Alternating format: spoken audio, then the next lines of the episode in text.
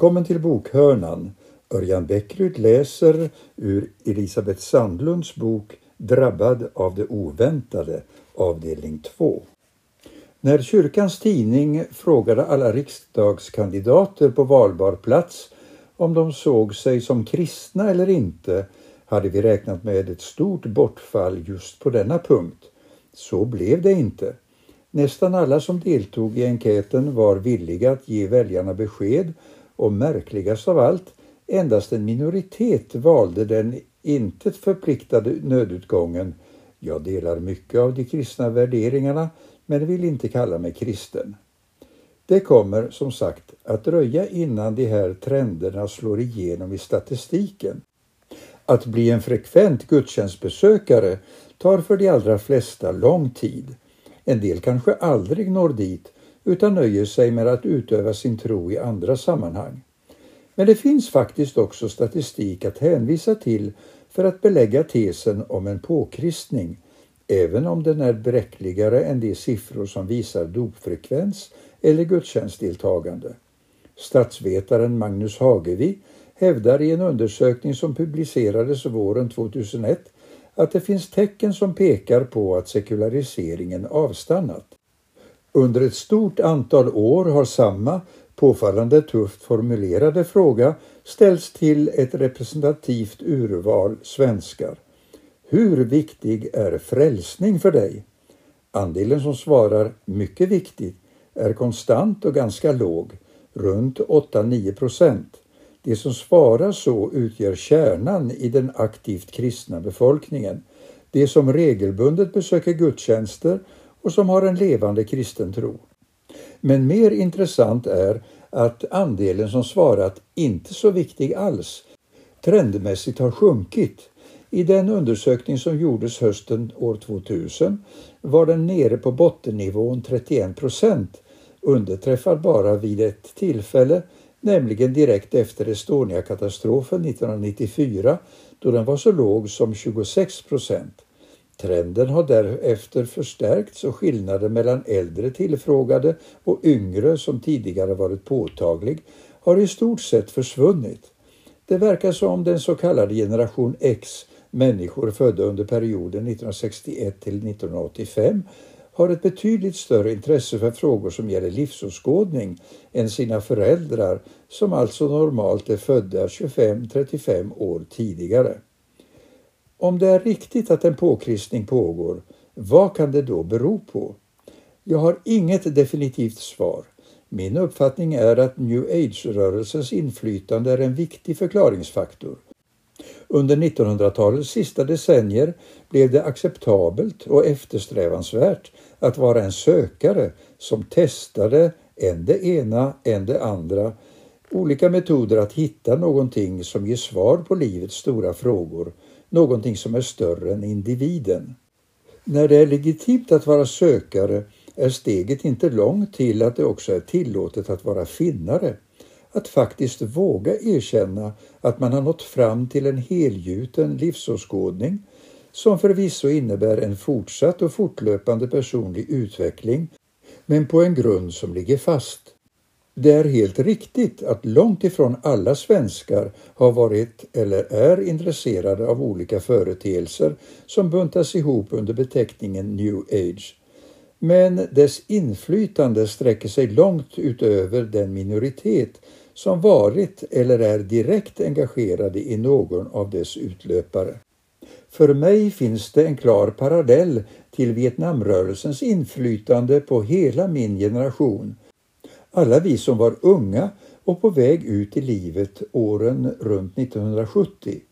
Även alla de av oss som inte gick i demonstrationståg och skanderade USA ut ur Vietnam eller Palme och Geijer, Lyndons lakejer, måste vare sig de ville eller inte på ett eller annat sätt relatera sig till detta fenomen som genomsyrade hela samhällsdebatten.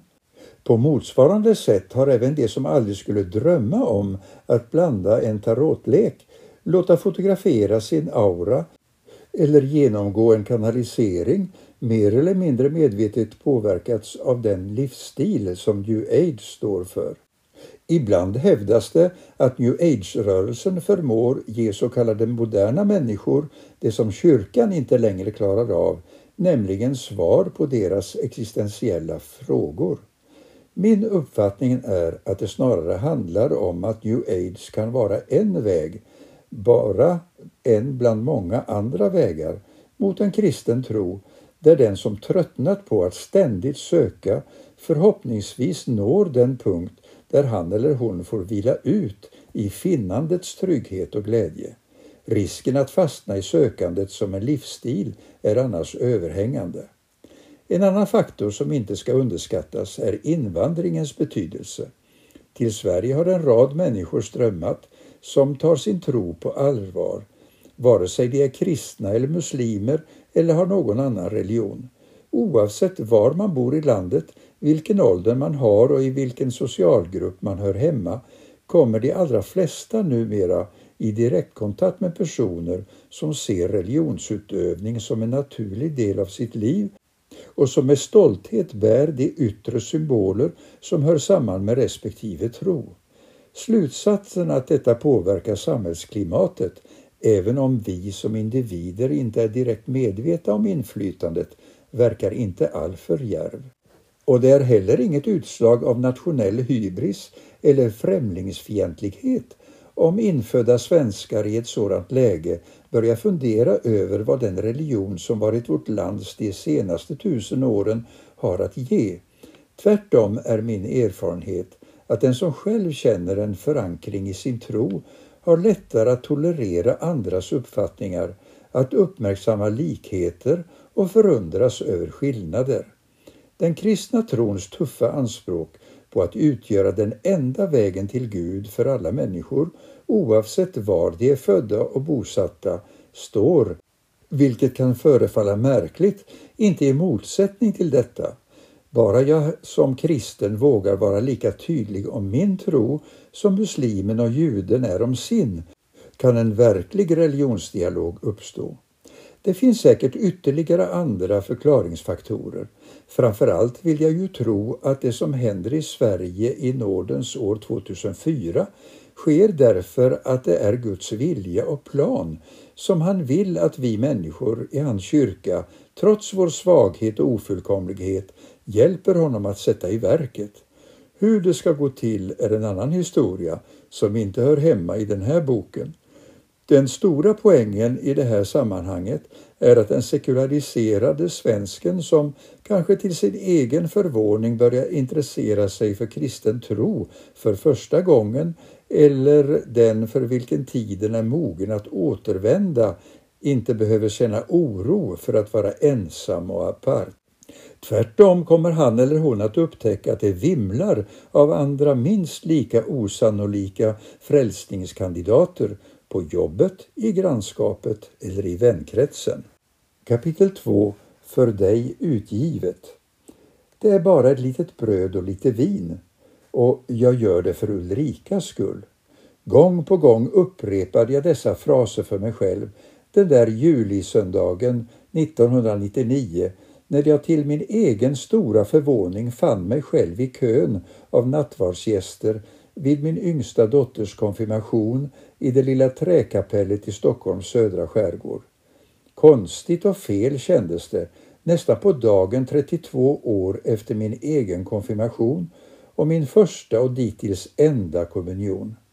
Ett helt vuxenliv hade därefter förflutit utan att jag någonsin hade tänkt tanken att jag en gång till i livet skulle gå fram i en kyrka och ta emot nattvarden. Den 16-åring som den gången var jag trodde inte på Gud och såg nattvarden som ett meningslöst hokus pokus. En främmande rit som jag genomförde under protest för att konventionen skulle ha sin gång. Den 48-åring som jag förvandlats till hade i princip samma inställning även om drivkraften denna gång var en annan. Att inte göra min utvecklingsstörda dotter besviken och ledsen. Hade jag vetat att mitt liv inom några minuter stod i begrepp att förvandlas, oåterkalleligt och i grunden, skulle jag ha lagt benen på ryggen och försvunnit ut i sommargrönskan eller åtminstone lugnt och stilla vänt om och satt mig i bänken igen. Men om detta anade jag intet. Jag behöll min plats i kön och avancerade långsamt fram mot prästen och hans medhjälpare. Salmen som sjöngs gång på gång till gitarrackompanjemang hade jag aldrig hört tidigare. Jag minns att jag något förvånat konstaterade att både melodi och text hade kunnat platsa som kampsång under min radikala ungdomstid. Vi reser ett tecken, rättvisans tecken, måltid delad av alla.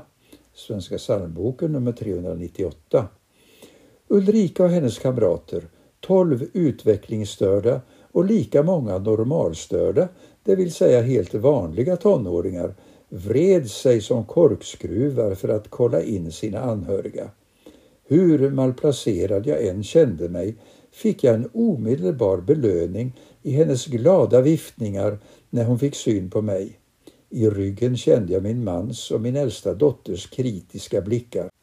Aldrig i livet hade hennes raka besked varit när jag med en diskret armbåge i veka livet försökte få henne, som själv konfirmerats bara några år tidigare, att offra sig för att göra lilla syster glad när nu så många, ja, som det tycktes mig i stort sett alla av de andra konfirmandernas anhöriga var på väg framåt i kapellet.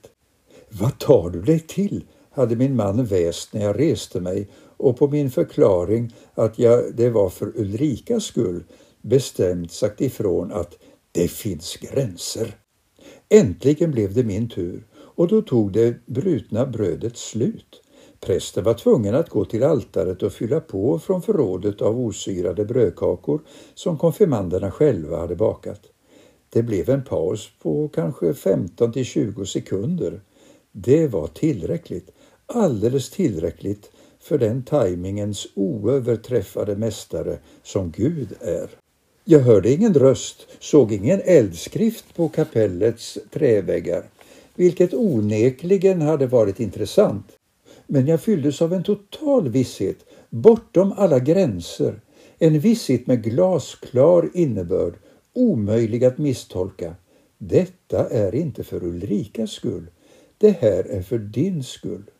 Vettskrämd och förvirrad tog jag emot brödet, för dig utgivet, och vinet, för dig utgjutet, och gick och satte mig igen. Det där var väl onödigt, tyckte min man. Kanske det, men nu är det gjort och du såg väl hur glad Ulrika blev, minns jag att jag svarade. Händelserna denna söndagsförmiddag i det lilla kapellet var preludiet till mitt nya liv. Bekännande kristen blev jag inte där och då. Det skulle komma att dröja ytterligare några veckor. Det utan motstycke svartaste och jobbigaste i mitt liv. Också om det ska jag berätta, men inte riktigt än. Mitt möte med Gud är unikt, på samma vis som jag är unik, skapad av honom som den enda av mitt slag. Samtidigt är det generellt, en erfarenhet som delas av ett oräkneligt antal människor under de senaste 2000 åren. På samma vis är förhistorien både unik och generell. Min väg till honom, från min första födelse som en biologisk varelse till min andra, den av vatten och ande, som Jesus säger, till den smygkristne farisén Nikodemus, är inte identisk med någon annan människas. Men både när den liknar andra människors vägar och när den ser helt annorlunda ut kan mina erfarenheter ge relief till dina. Jag kommer inte från någon ateistisk miljö, inte på något vis. Det handlade aldrig om något förnekande eller ens ifrågasättande. Men som för många i min generation fanns den i praktiken utövade kristna tron en generation tillbaka. Jag är född i Norrbotten i en familj där ett lestadianskt arv från min mammas sida mötte en EFS-tradition från min pappas. Men i mitt barndomshem bad vi inte vare sig bords eller aftonbön, läste inte Bibeln och gick inte i kyrkan annat än vid särskilda tillfällen.